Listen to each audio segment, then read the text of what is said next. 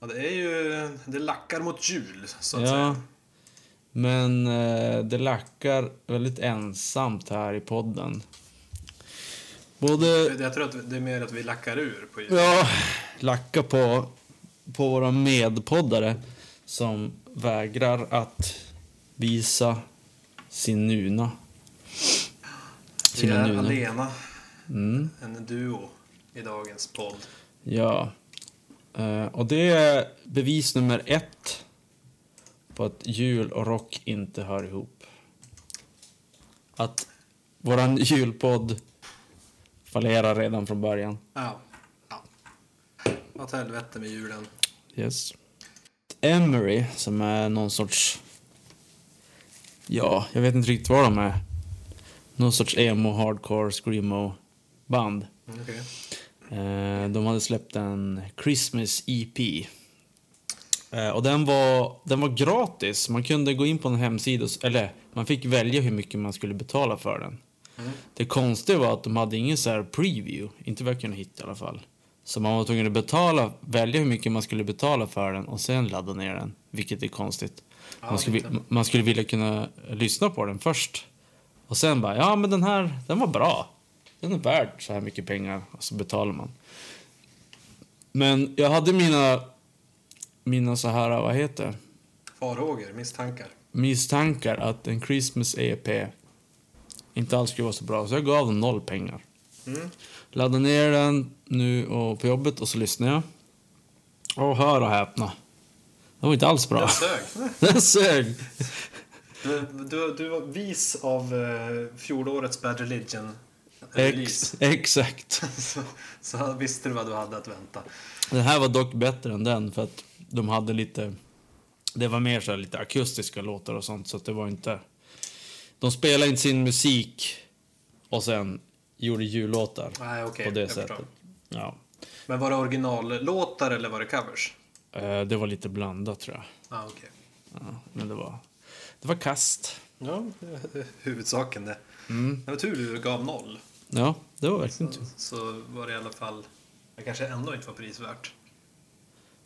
Jo, men det var det. Ja, Det var, grat, det var gratis, jag satt och jobbade, då kan man ändå...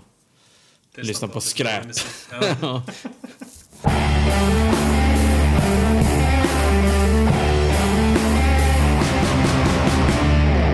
Stone Temple Pilots eh, sångare har dött. ja, Det var, hände väl för två veckor sedan, en vecka sedan någonting. Till och med i de eh, liksom, ordinarie, vanliga nyheterna så Ja, skrevs det om det. och det var inte alls juligt. Nej, Vi skulle ha valt en bättre tid att dö på. ja... När, när brukar folk dö egentligen? Det skulle vara intressant med statistik. Ja, men precis. Hur dog Men vänta nu. Är knark. De hade hittat honom i någon buss. Någon Ja, turnébuss. just det, sa jag. Jag tror faktiskt det finns någon statistik på att eh, de flesta självmorden är runt eh, när man byter tid. Alltså från vintertid till sommartid, eller tvärtom. Alltså, båda av dem eller en av dem? Mm, en av dem tror jag att det var. Ja. Jag tror om det är den på hösten. ja. Att det blir mörkare. Man hoppar fram i timme och det blir, då blir folk helt galna verk, verkar det som. Och typ skjuter sig. En slags varulvssyndrom. Ja, Ja, okej. väldigt veka människor. Ja, jo, för jag som... Där, ing- ingen relation till att det skulle vara eh, någon annan som jag känner till som har tagit livet av sig eller dött kring, kring jultid. Nej. Det känns inte, ingen, ingen sån är känd i alla fall, vad jag kan komma ihåg. Eh, någonting som man brukar få vid jul, vad är det för någonting? Eh, man brukar få förkylning. Ja, och något annat. Det börjar på G. Eh, gröt. ja. Börjar, någonting annat som börjar på G. Eh, gruppeknull. Ja, exakt! Det önskar jag mig i julklapp. ja, vem gör inte? Aj, aj, aj. Någon, Eh. någon då? Ja, nej. Eh, jag trodde du skulle säga glögg, men Ja, det var, det var gruppknull som var rätt. då så. Mm. Nej, man brukar få julklappar också. Ja, Jag har fått en julklapp redan. oj. Ja, men det har jag också. Eh, Mm. Från eh, Microsoft. Tio stycken skivor eh, om man har Windows 10. Eh, så får man, jag tror det var det de som var mest sålda under 2015. 10 of the top albums. Ja, så det är tio skivor som var topp 2015. Ja. Eh, och jag kollar den här julklappen. Känner, jo, jag känner igen en. Selena Gomez. Mm. Eh, och Breaking Benjamin. Ja, eh, det var ju lite grann skrällen på den där listan. Tycker jag. Jag kollar också igenom det, jag håller med. Men jag känner inte igen många. Ellie Golding känner jag namnet på. Mm. Men i övrigt så var det väldigt... Så här, v- vadå toppalbum? Det känns som att det här var toppalbum utav de som Microsoft fick gratis från skivbolagen. Ja, men alltså det är inte topp 10 säljande på Nej, det deras det groove. Utan det är, ja men säg att det är topp 1000 och så är det några som har, det måste ju vara något sånt. Ja, men precis. Ja. Men jag hade helt missat att Breaking Benjamin hade sålt, eller släppt ett album i år. Eller jag hade nästan glömt bort att de fanns överhuvudtaget. Eh, Jag gillar ju dem ett tag där i början av 2000-talet. Mm. Eh, Så att den här måste jag faktiskt kolla in. Mm. Lyssna lite på. Se om det Får är något att ha. får du återkomma om det var en bra Jag, julklapp. jag, tror, jag tror ju inte det. Nej, okej. Spontant. Aha. Däremot James Bay, vet du vem det är? Nej. Eh, han är lika som bär med eh, Dennis Lyxzén på den där bilden på framsidan på hans Ja, skiva. där. Ja, jo, kanske det. Hatt och allt. Ja, smal och Ja. utmärglad. Ja. Ska lägga upp det på, på bloggen så att folk ser det. Eh, Jag försökte hitta här det med självmordsstatistiken.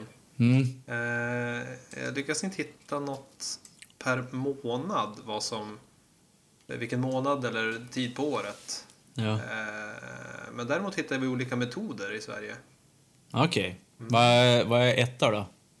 Eh, Vänta! Får jag, får jag chans? Får jag... Vad heter Det är det? otroligt jämnt om första platsen.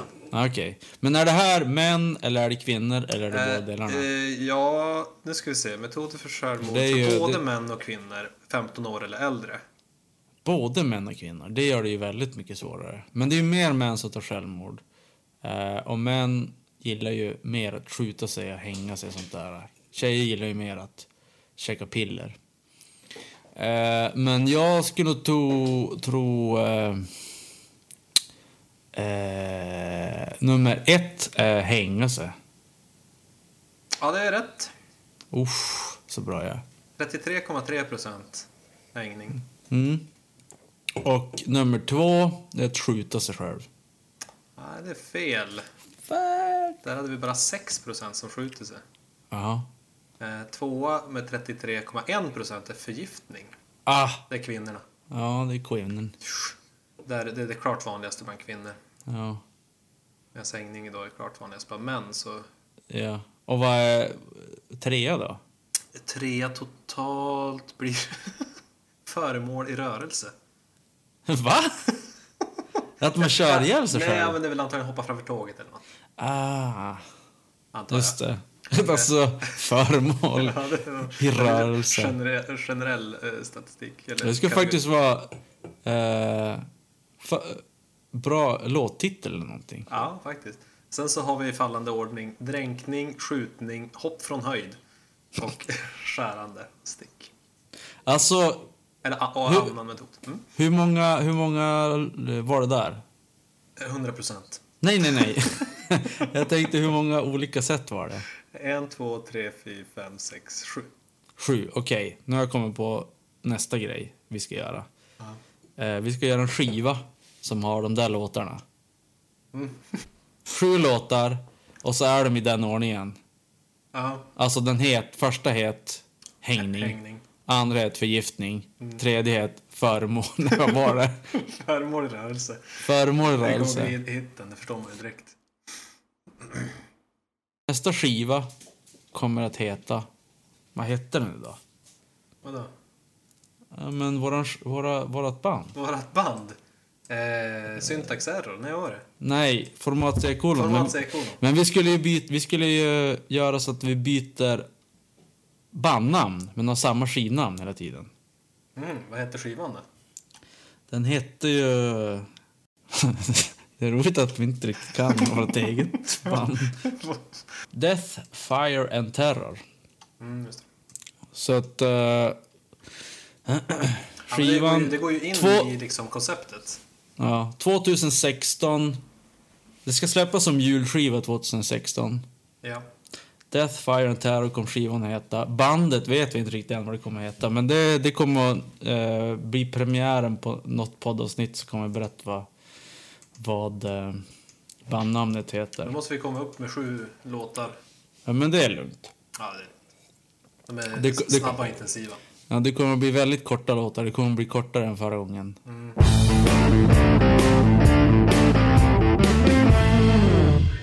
Eh, vad har du för relation till Stone Temple Pilots? Noll faktiskt. Jag, Oj! Ja, jag, jag, jag, jag kan inte ens nämna en låt de har gjort. Oj då. Jag var, Plush? jag var ju som lite så här... är lite efter på grunge-biten. Ja. Så att jag cherrypickar lite grann. Att det blir så här, ja men jag lyssnar på Nirvana och Pearl Jam och ja. lite sådär. Men jag var som inte med på hela grejen. Ja, det känner jag igen. Ja. Uh, nej men jag, uh, jag var också lite sen på Stone Temple Pilots. Uh, men när jag upptäckte dem så gillade jag dem som 17. Core-skivan och Purple. Men det var nog bara de två skivorna som 92 94 som jag gillade. Det var de omslagen jag kände igen. Ja, omslaget på Purple känner jag faktiskt igen. Mm. Ja, Men, men, ja, men alltså det här är ju tredje. Blir det tredje? Kurtan, den här rackaren och så eh, sångaren i den andra som dog. Uh, vad heter han? eh, jag vet inte. Oh. Helvete. Pearl Jam och Soundgarden är ju fortfarande... De, de lär Det är ju, ju intakt. de lär ju bli så gamla gamla rockare som spelar när de typ Ja, 70. var Alice in Chains eller? Alice in Chains, ja. ja. Eh, så att det är ju... Det är väl de som är de mest kändaste av alla grungeband. Jo, det måste ju vara. Så det är mer än hälften av dem. Och du! Kurtan har skött sig själv. Ja. Alice in Chains han knarkade ihjäl sig, men han, ja, han tog inte självmord. Och okej. ja. Nej, du fick inte någonting här Nej. på våran platta. Nej, det vart ingenting Nej, det vart ingenting. Ja, Ja, okej. men Så eh, det det. finns ju faktiskt någonting som är bra med julen.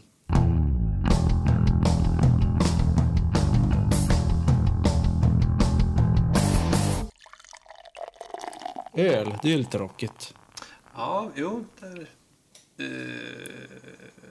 men, men förknippar du också öl starkt med julen? Nej, men julöl förknippar jag starkt med julen. En chock. ja. Jag dricker faktiskt en julöl. Ja, härligt. Melleruds klassiska julöl. Okej. Så du vet att, visste du att det fanns ett ställe som hette Mellerud? Eh, nej, det visste jag inte. Vet du vad det är för bud där? Hårda bud. Mm. Ehm, Eller Ja. jul, julens bud. Ja, det också. Mm. Jag fick faktiskt veta att Mellerud fanns för några år sedan. Jag trodde att det var bara något som man sa, hårda bud i Mellerud, men Jag antar att det ligger i Småland. ja, det gör det säkert. Det säger att det gör det. Ja. Jaha, hur var julölen från Mellerud då? Den är från 1904. Oj, det var en gammal öl. Ganska gammal. Eh, anno. Det är en frisk kryddighet. Och den var väl... Alltså...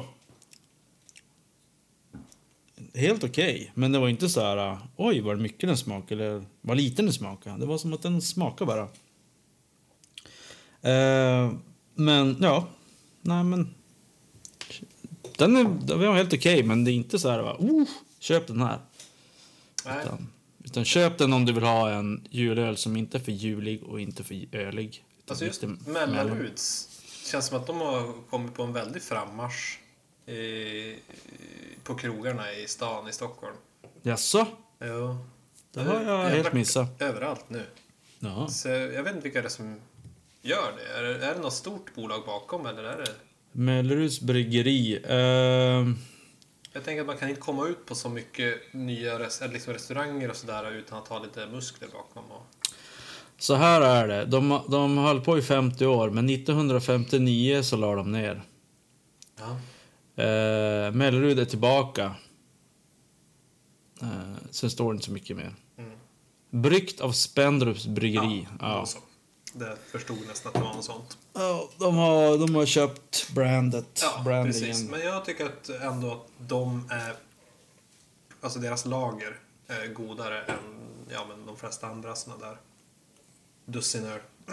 Så Ja. jag tar ganska ofta dem om man är ute på krogen och inte känner för något speciellt. Jag då? Jag dricker ju faktiskt inte julöl eftersom jul och rock inte har med varandra att göra.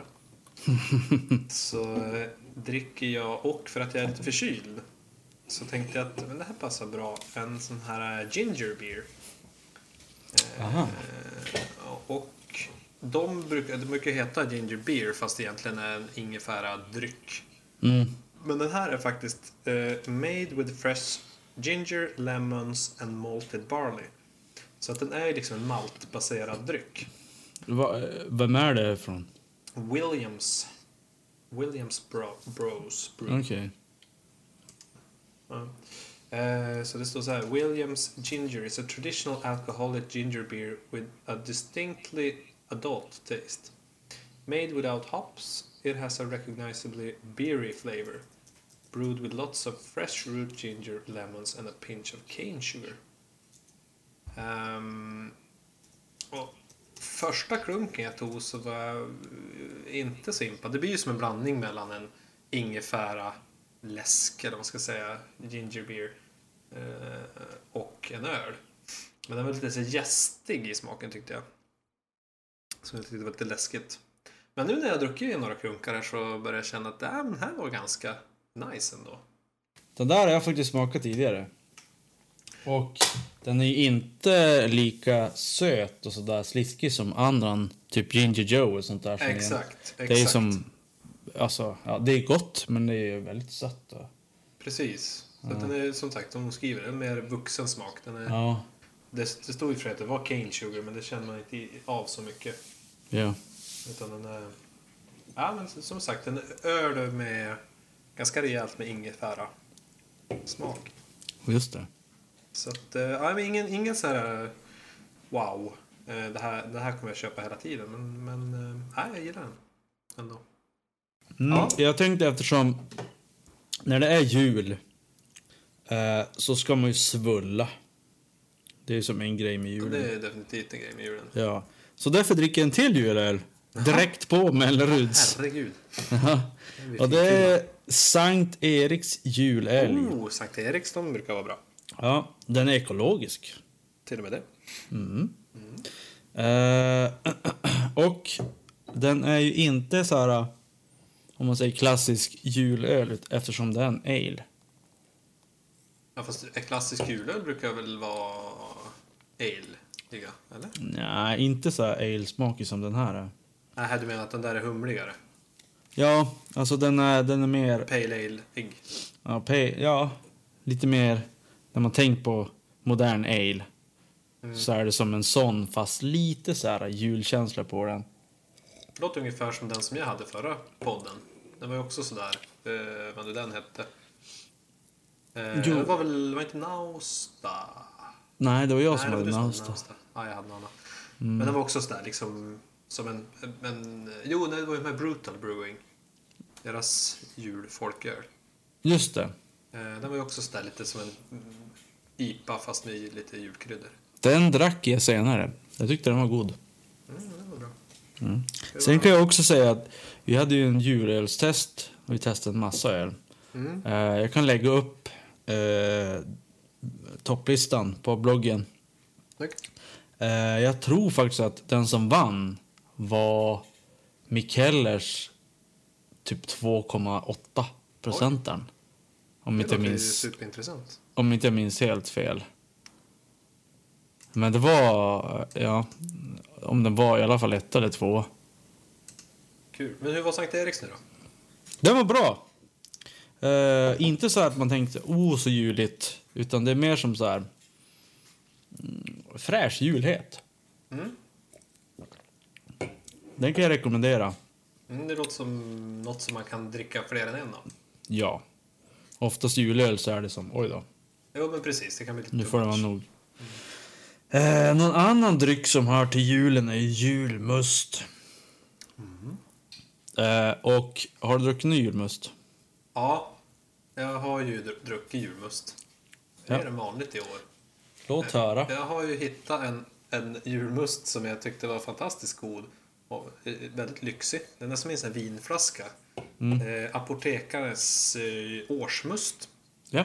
Som tydligen då har en ny smak varje år. Och när man köper flaskan så, så säger de inte vilken smak det är utan man måste dra av en liten lapp och läsa under för att få veta vad det var. Och det viktiga är ju att när man har gjort det så får man inte spoila för alla andra vad det är för något. Jag visste, då uppenbarligen inte att det här var en, en grej. Eh, eftersom inte jag känt till att det har funnits årsmust förut. Eh, så att eh, jag, jag hamnade i onåd hos Mm. programledaren. Ehm, den, eh, den, den otroligt hemliga smaken i år var i alla fall väldigt god. Passar superbra med den. Ja, men du får säga... De, om folk inte vill veta nu vad det är för smak, så håll för öronen nu. Ja, då är alltså årets smak kardemumma. Och Nu får, ni, nu får ni lyssna igen.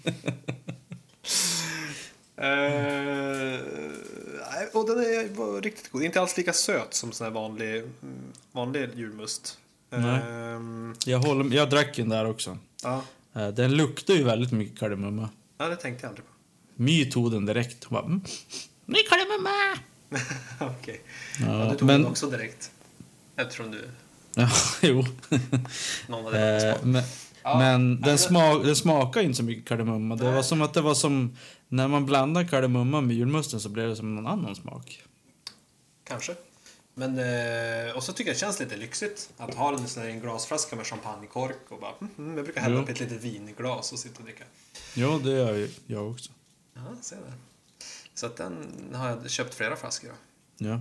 Men du har inte köpt... Eh, vad heter de? Nygårdas eh, som är lagrade på romfat. Eh, jo. Eh, både den som är på romfat och den som är på whiskyfat.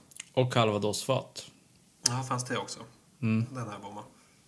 Eh, men de var, de var goda. Eh, Och, och det är ju verkligen så när man dricker någon som är lagad på romfat, då känner man ju att det är romsmak. Absolut. Och Absolut. calvados och eh, whiskyfat. Absolut. Jo, men man känner tydligt att det är den smaken. Sen så vet jag inte om jag tycker att det kanske eh, passar hundraprocentigt ihop. Det finns, det finns var någon som... men, Ja, Ja, det finns ju någon på, som har lagat bara på ekfat också. just det. Eh, ja. Men jag tycker alla de där är ju... Jag tycker det är gott. Jag tycker också att de är goda. Det är bättre Mm. än ka- alltså vanlig Apotekarnes eller ja, ja, Nygårdar. halvliters. Ja, nej. Alltså Det- jag kan, jag kan inte dricka sånt längre. Det... Nej, okej, det blir ju värsta mustsnobben. Jo.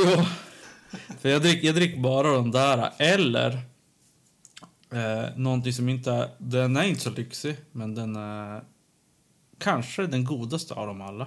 Jaså? Soinerts julmust. Mhm. Det är en vanlig jul... Den finns på... Vad heter ditt Ica? Ica Liljeholmen, ja. Ja. Förstås. Jag var, jag var och köpte den där. ja. Men jag då är det koll- här 50 centiliters glas, eller? Jo. Mm. Och så köp, köp sexpack för du kommer gilla dem. Mm. Eh, förra året var det första gången som jag... Eller jag kanske har druckit den tidigare, men det var förra året som jag insåg storheten i deras, jul, i deras julmust. Men är den bättre än årsmusten från Apotekarnes? Ja, jag tyckte. Okej. Den... eh, ehm, och för att jag kollade... Den köpte jag i Byske på Ica.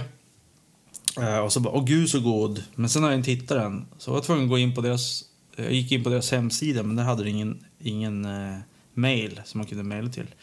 Eh, men då gick jag in på Facebook och frågade var någonstans i Stockholm kan man köpa eh, Soinerts julmust? Mm. Och då, var det, då fick jag svar så här, ja, enligt den här sidan så var det någon som hade gjort en hemsida och undersökt vart det skulle, alltså inte Soinerts själva. Nej, Soinerts. Ja, Soinerts. Eh, inte de själva som har gjort utan det var någon annan. Va, enligt den här sidan så kan du hitta Soinerts och så hade de lista då. Och då var det Liljeholmen ett ställe. Ja, okej. Så Ja, det är till- klart att det kan ju vara så att uh, Soinerts säljer inte själva till butikerna utan de säljer via grossister. Så att de inte har riktigt koll på vart, Mm. Ja. vart det finns. Men eh, den är den absolut minst söta julmusten av dem alla. Eh, och den har väldigt mycket maltsmak. Alltså det är... Malt. Ja. Mhm. Om, om du kollar på en julmust så står det på alla julmuster maltarom. Jaha. Jag har inte ens tänkt. Eh, det där kollade jag och Joel förra året på ny, när vi hade nyårskalas. Eh, då sa jag, oh, du måste dricka Soiners. Tror jag att vi hade en där och så kollade vi på den och bara, maltarom. Jaha, det är därför den smakar som den gör. Så började jag kolla på andra bara, jaha, alla har maltarom. så det var inte det, men det är som att eh, alltså den smakar, om du, om du tar två julmustar, jag testade ju med Soinerts och typ en vanlig, eller inte vanlig, utan den här eh, någon av de här lyxiga andra. Så var det ändå så att Soinerts var ju mindre söt och smakade mer malt, mer ölaktig. Ah, okay. Så att den, den vinner alla gånger.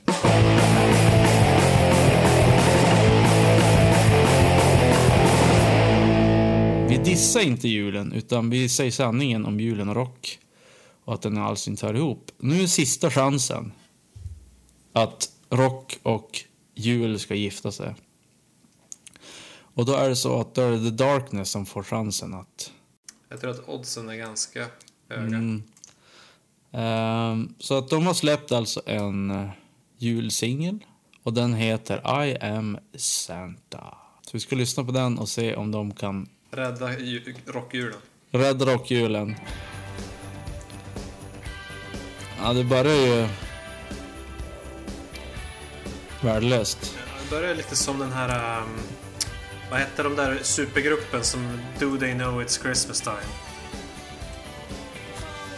Ja, vad är det för då? Ja men de här uh, alla kända artister som gjorde någon låt på 90-talet. Do they know it's... Ja. Nej, det är väl inte de? Är det de? Nej men det låter som de här. Jaha, okej. Det är lite samma känsla. Ja. Men det här måste ju vara någon sorts parodi. Det kan ju som inte vara på riktigt. Hela Darkness är väl som en parodi. Är det det? Ja, lite. Nu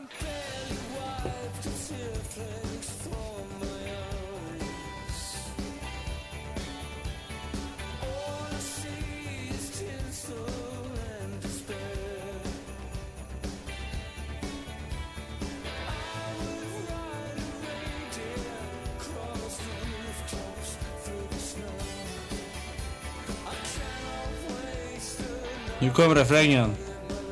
Gissar jag.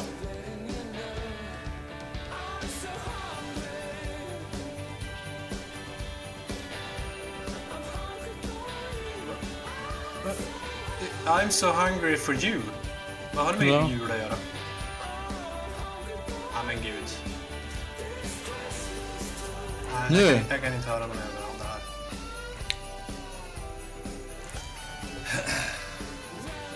Ja, nej, det sög ju. Ja, det är så fruktansvärt. Alltså, det är någonting med jul och sommar som gör att det är helt okej att släppa helt jävla värdelös musik och komma undan med det. Mm. När det är som, nu är det sommar, då kan vi göra sommarhits som är banala och dåliga på alla sätt och så bara Woho, det här var ju roligt. Är det, det är som, som musikens eh, Finland-Sverige. Ja, men precis.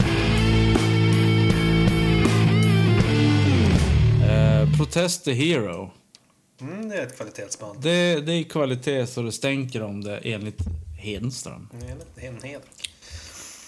Och de har ju gjort någonting, någon grej här. alltså de ska släppa, istället för att släppa en skiva ska de släppa en ny sång om, på den 15 varje månad i ett halvår.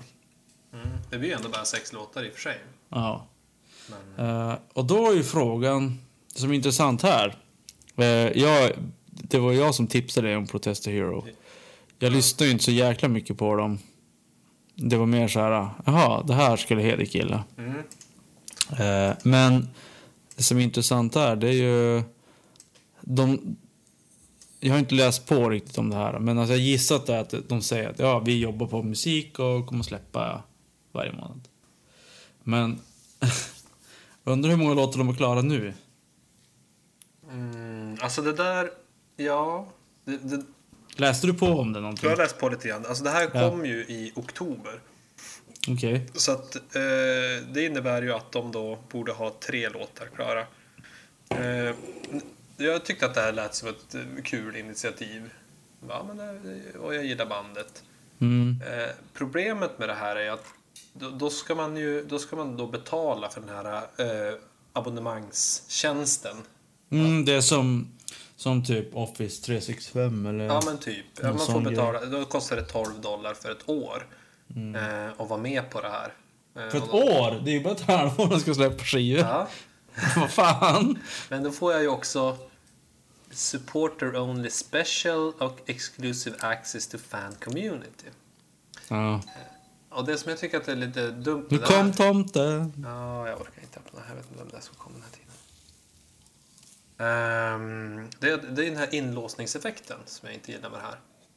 Eh, att jag, jag, för att få lyssna på de här låtarna så måste jag använda den här plattformen som de har valt. Eh, att jag ska gå med i den här communityn och så att, för jag tänker att eh, jag vill ju egentligen ha allt på Spotify. Eller jag vill i alla fall ha allt i samma, på samma ställe, all musik som jag lyssnar på. Man vill inte så ja, men när jag lyssnar på det här bandet så ska jag gå till Soundcloud och när jag ska lyssna på det där då har jag det på MP3 och det, det, blir för jobbigt. Mm, nej, så att jag, det, för mig blir det en eh, protest against the hero. Yes. Riktigt. Som du säger, okej, ja men Protesta Hero, jag gillar dem. Eh, men de släppte inte på Spotify, så skiter jag i dem. Mm. Alltså, jag vet inte. Eh, det är som att eh, hela, hela den här, eh, jag gillar ju den här mobil, alltså mobiltelefon med appar och sånt där. Men det är som att nu för tiden är det, det är bara företag som, det har ju varit så förr också, men alltså.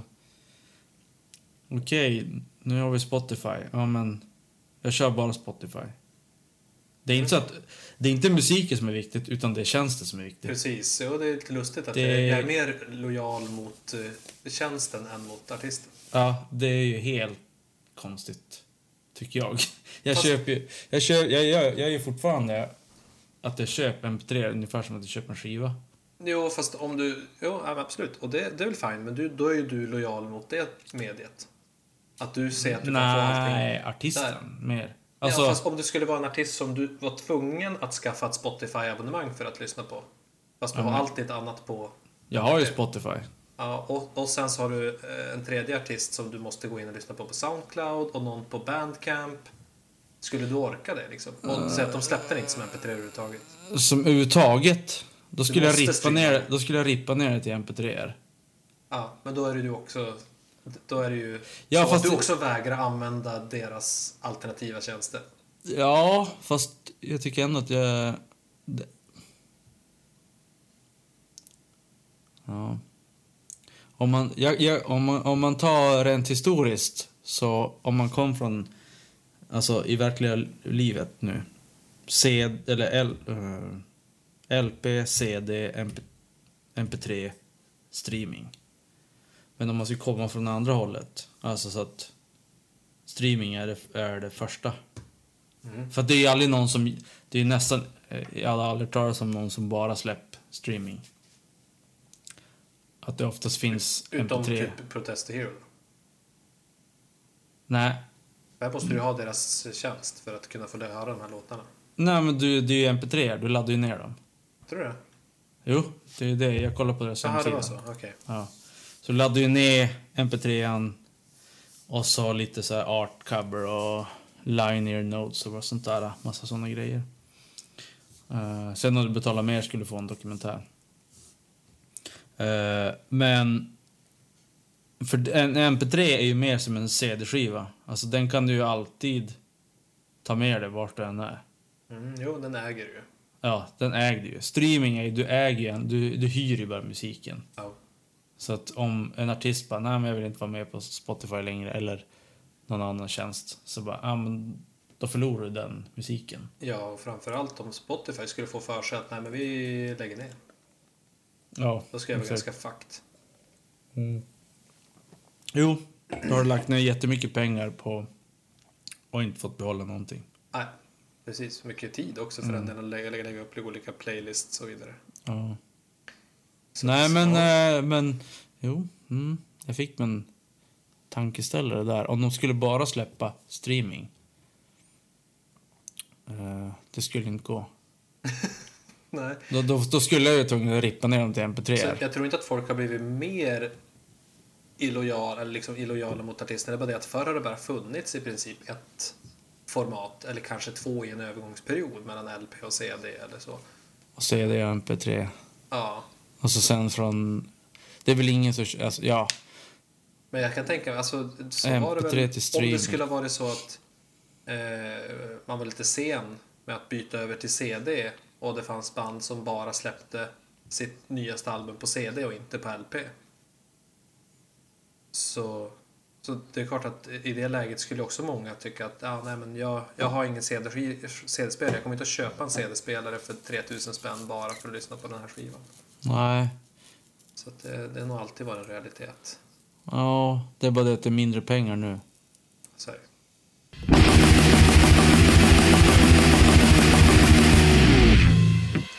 När jag var i London för jättelänge sedan, eller jättelänge sedan, 2013 då det var. Då såg jag, då var vi inne på en affär och där hade de massa jäkla så här äh, hundkläder och kattkläder. Som kostade jättemycket pengar. Det var på den här Harrods. Ja, okej. Eh, och jag tyckte att det var väldigt konstigt. Men nu har Gwen Stefani släppt en, vad heter det, sån där äh, kattkläder eller hundkläder. Jag trodde du skulle komma till att nej, men nu har jag skaffat katter och nu- de har bara så här Gucci och Armani. ja, exakt. Eh, Ja, men har man ens kläder på, på djur? De brukar ju inte gilla det. det, det är jättekonstigt. Eh, Ha- Halsband förstår jag, men sen så mycket mer har de inte på sig. Och suspensvar. ja, nej, alltså det är ju såna här äh, hundar som inte har päls som man måste sätta på kläder Ja, för de är, de är, ja exakt. Men det är ju, ja men hallå. Då kanske du inte ska ha den hunden i, i det klimatet. Nej, klimatet. Nej, det är som, precis. En här Ja. som man ska ha uppe i norr. Ja. Ja, nej. Men alltså det är ju helt odjurigt och helt dåligt. Så Gwen, Gwen Stefani, du tillför ingenting till julen och ingenting till mänskligheten. Nej, men till katterna. Ja, till katterna, men de har inte så mycket att säga till om. Ja, nej. Herregud.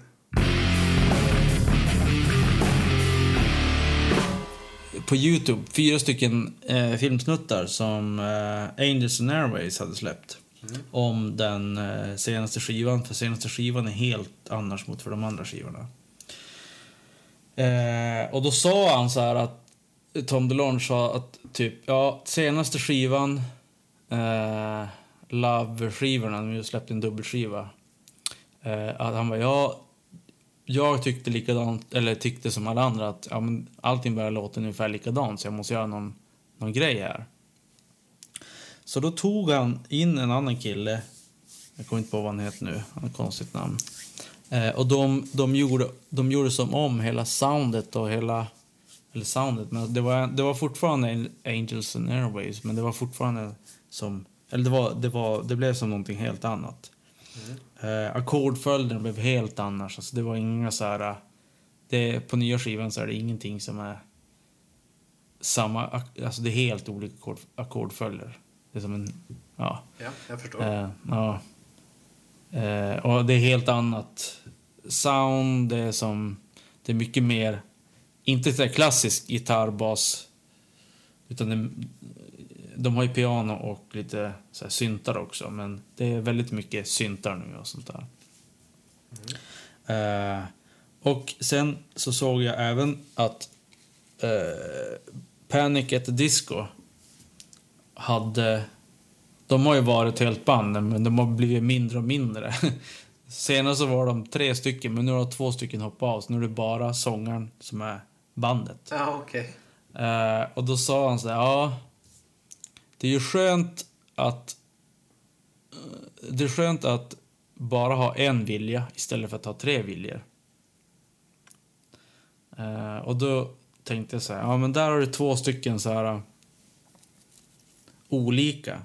För att Angels and Airwaves går från egentligen en vilja, en som styr och skriver låtar och sånt där, till att gå från en till två personer så att det blir helt... Mm, man får en ny dynamik Ja, i det. ja, exakt. Men han gick från... Han tyckte det var skönt att gå från tre stycken till en. Mm. Så att han kunde bestämma allt och typ så här.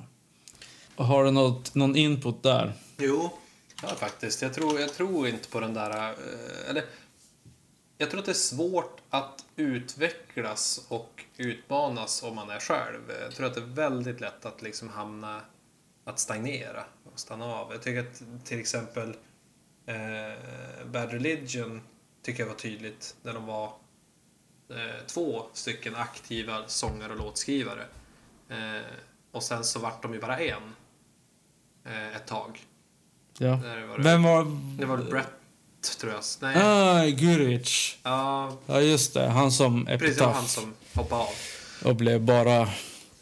Eh, Producent. Nej. Höll på med skivbolaget där. Ja, precis. Mm. Eh, så att... Eh, då tycker jag att det varit mycket tråkigare. Det varit mycket mer enformigt eh, och så vidare. Men sen så har han ju kommit tillbaka och, Ja. eh, som låtskrivare. Eh, han är, jag tror inte han är med i bandet, eller kanske han är. Ja. Men han är i alla fall med och skriver låtar. Och de säger det när jag kollar dokumentär, att de utmanar varann hela tiden. Att liksom skicka låtarna till varann. Ja, men jag skrev det här, eh, vad tror du om det? Och så får den andra bara, shit, det här låter ju skitbra. Nu måste jag fan eh, fixa en låt som är ännu bättre. Mm. Eh, Att det blir liksom tävlingsgrejen där och bara, ja men lyssna på det här då. Ja, så bara, ja okej, fasen det där låter ju skitnice. Eh, och, och ganska många framgångsrika band känns som att man har två, just två viljor, eller två stycken kreativa personer. Sen så kanske det inte funkar att ha fem. Nej, det funkar, det funkar inte. Men jag tycker det är ganska vanligt att man märker att det, det är två som är ja, men typ U2 eller ehm, ja, det finns säkert massor med exempel. Beatles eller vad som helst. Så där man har haft, haft den där lite eh, dels samarbete men kanske också lite rivalitet eller sådär. Jag tror att det verkligen eh, gynnar musiken och gynnar, gynnar bandet. Jo, det har man hört från, från vissa band där de har, där flera är låtskrivare, att de Kom med en idé och sen så skickade, eller typ så ja men ta den här idén och så, spring iväg och gör något coolt med den. Och så sen så jobbar de tillsammans och typ så här, ja men så, och då säger de alltid att det börjar med någonting men i, slut, i slutändan kan det ha blivit typ, det var inte ens nära med originalidén, att det blir som en helt annan låt under, under tiden. Mm. Jag tror säkert att alltså, det finns jättemånga briljanta låtskrivare och, och att man kan göra bra, men att hålla det uppe under en längre period tror jag. är Ja, det kan nog- man fastnar i samma. Det kan nog vara trixigt faktiskt.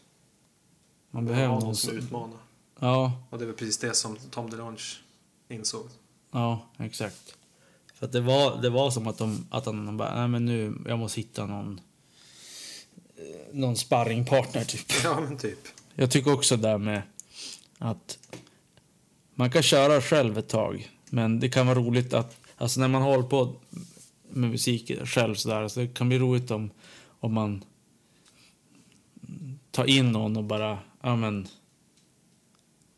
det behöver inte vara så att man samarbetar. Jag, tänker som här solartister, typ vad heter han? Bruce Springsteen och sånt där. De har ju hållit på jävligt länge, men de... de jag tror inte de sitter själva och gör allting. Utan de Nej. har, de har ju som någon producent som de jobbar med och... eh, Eller andra musiker som får någon sån här liten... De får lite pengar och så sen så står det att det är Bruce Springsteen som har skrivit Verkligen. låten. Så är det. Ja. Det, det funkar ju eh, grunden att göra själv och sen så behöver någon som hjälpte att jobba fram. Så det. Men däremot så är det väldigt många gånger som man, man bara, ja men fuck it. Alltså. Åh, så skönt det ska vara om man kunde bestämma allt själv. Jo, men jag, jag fattar ju den Slip- grejen också. Slip, ja, men slippa typ så här, ja, men jag gillar inte det här. Ja, men, nej, Skit det är, ner det. Skit ner det, det här är bra. Precis. jag vet vad jag snackar om. Ja. Nej, det där är ju, det där är ju alltid, det tror jag alla som har spelat i band eh, har, har upplevt någon gång eller annan att det är inte lätt att göra alla nöjda i bandet. Nej. Eh, Alla ska kunna stå för den musiken man spelar. Utan eh, det, det, det blir alltid olika viljor. Även om det kanske är bara en som skriver alla låtar så, så tycker ju de andra till. Jo, exakt. Så att, eh, och, och ibland så kan ju det vara frustrerande. Mm. Men man, ja, och och ibland så, många gånger så tror jag att det blir bättre av det. Att, liksom att man har den där dialogen och man utvecklar låtarna och sådär. Men äh, vissa gånger kan det säkert förstöra. Jo. Det gäller ju att ha en röd linje. Alltså att du har... Ja, men du kan inte ha en kille som skriver en punklåt och sen så bara, nej men jag gillar metal. Så jag vill att det ska vara metal-solon under all sång. Utan du kan ju ha metal-grejen men du måste bygga in det in och i som grunden på något sätt. Jo, Det är det, det, är det som är det viktiga. Att ha, okej vi måste bestämma en röd linje som Precis. är typ grundplåten till allting. Och sen kan vi bygga in, ja, vi kan bygga in lite eh, metal, vi kan, eh, metal-solon, vi kan bygga in lite, men det måste passa in i grundplåten så att säga. Jo, precis. Jo, men det kan ju, bara för att en i bandet gillar country så kanske man inte ska spela country i det bandet. Nej, exakt. Då Men då säga, kan ja, man... men då får vi ha ett annat band där vi spelar country eller så Ja. får man skita i det och liksom Mm. Nej, men så kan, ja, men då kan man till exempel, ja men, ja du gillar country, ja men då kanske vi kan slänga in en slide-gitarr på någon lugn låt. Eller Mm. typ någon countrystämma någonstans så här, som kan funka. Liksom, men med grundplåten. Mm. En, ett, ett band som, för att avsluta den här eh, ensam eller flera personer, eh, som vi pratade om förra podden. Foo Fighters. Ja, jag tänkte faktiskt på De, dem de har ju en liten Emperor Ja, som styr och ställer. Där kanske det skulle behövas någon annan person Det känns som att de håller lite grann fastna i vinkelhoten. Ja, det är som att det är för mycket Dave Grohl nu. Ja, ja, Kanske börjar det bli dags att någon annan kommer in och säger... och det Ja, men du... precis det jag menar när man har en sån som aldrig blir utmanad. Så Ja. blir det ju sämre och sämre och liksom samma grej om och om igen. Ja. Det var skitbra i början. Men Ja. nej, sen blir det som bara tråkigt.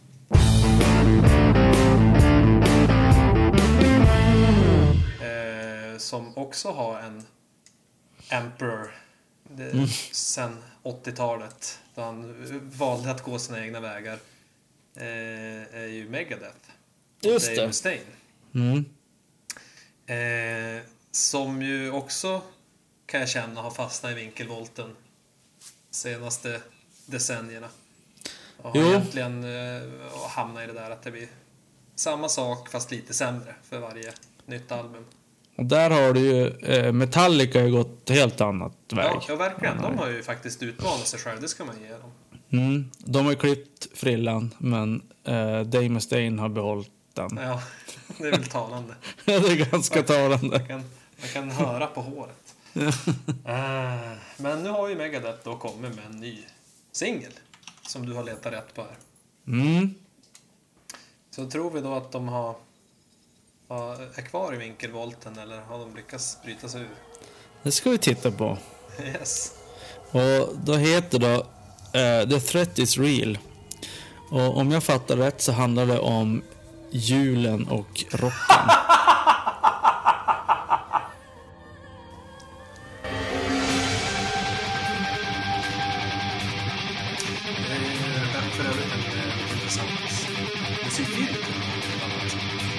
Ja, den är som någon sorts...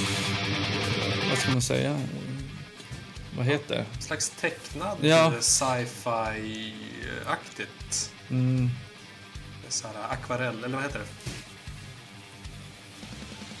Eh, vatten. ja, det är nästan lite som South Park, fast ja, snygg.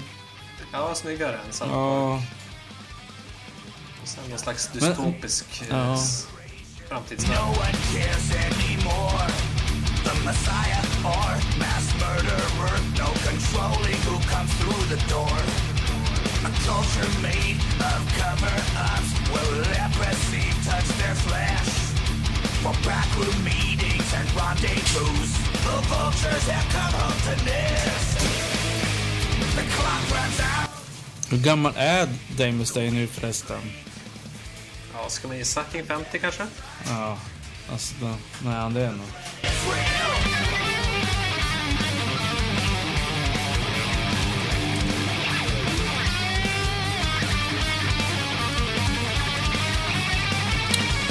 alltså det är ju väldigt mycket bättre produktion än vad det var på de tidigare.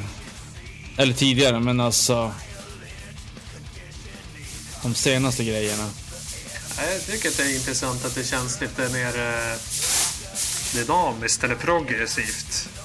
Att det inte bara mala på med något riff och så hans lite speciella röst. Ja, Utan att det är lite roligare taktbyten och sådär. 1961 är han född. Ja, vad fan blir det? Inte 55 till och med. Alltså god damn it.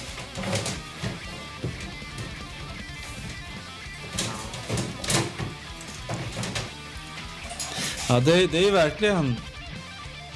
Alltså li, lite så här... äh, Back to början på 90-talet. Ja, men det är lite Hangar 18 eh, Ja, exakt. Exakt. Absolut. Ja. Just med de här solorna också. Som Ja. Och ganska rå och eh, på Ja. vis ganska tungt. ja. Eh, för pre-countdown to extinction sound. Mm.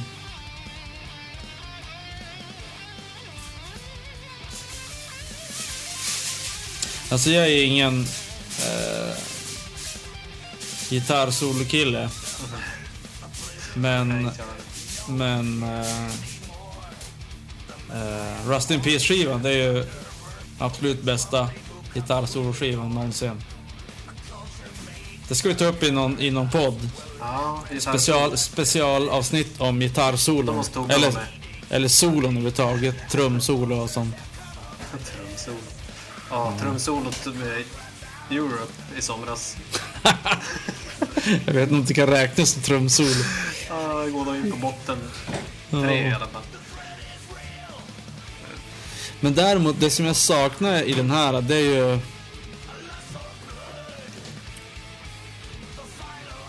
Alltså det är som ingen... Kanske inte, Megadeth är aldrig inte kända för världens catchy refränger. Men fortfarande så är det som... Ja, Nej, jag håller med. Det skulle behövts en lite starkare Ja, refräng som exakt. man kunde hänga upp låten på. Ja, Ja, nej, men som sagt, en lite starkare refräng på den där så hade det varit faktiskt en ganska riktigt stabil dänga.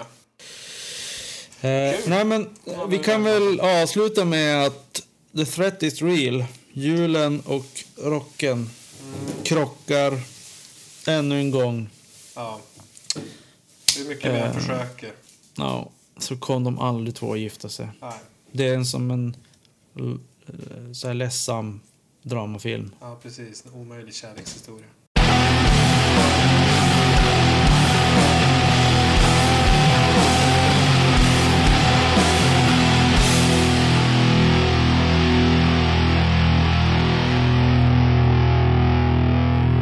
Instrumental mixade sång, ja. Det är väl inte så jäkla spännande. Tycker det är spä- mer spännande med att man en alternativ version av låten som ett annat spännande band gör.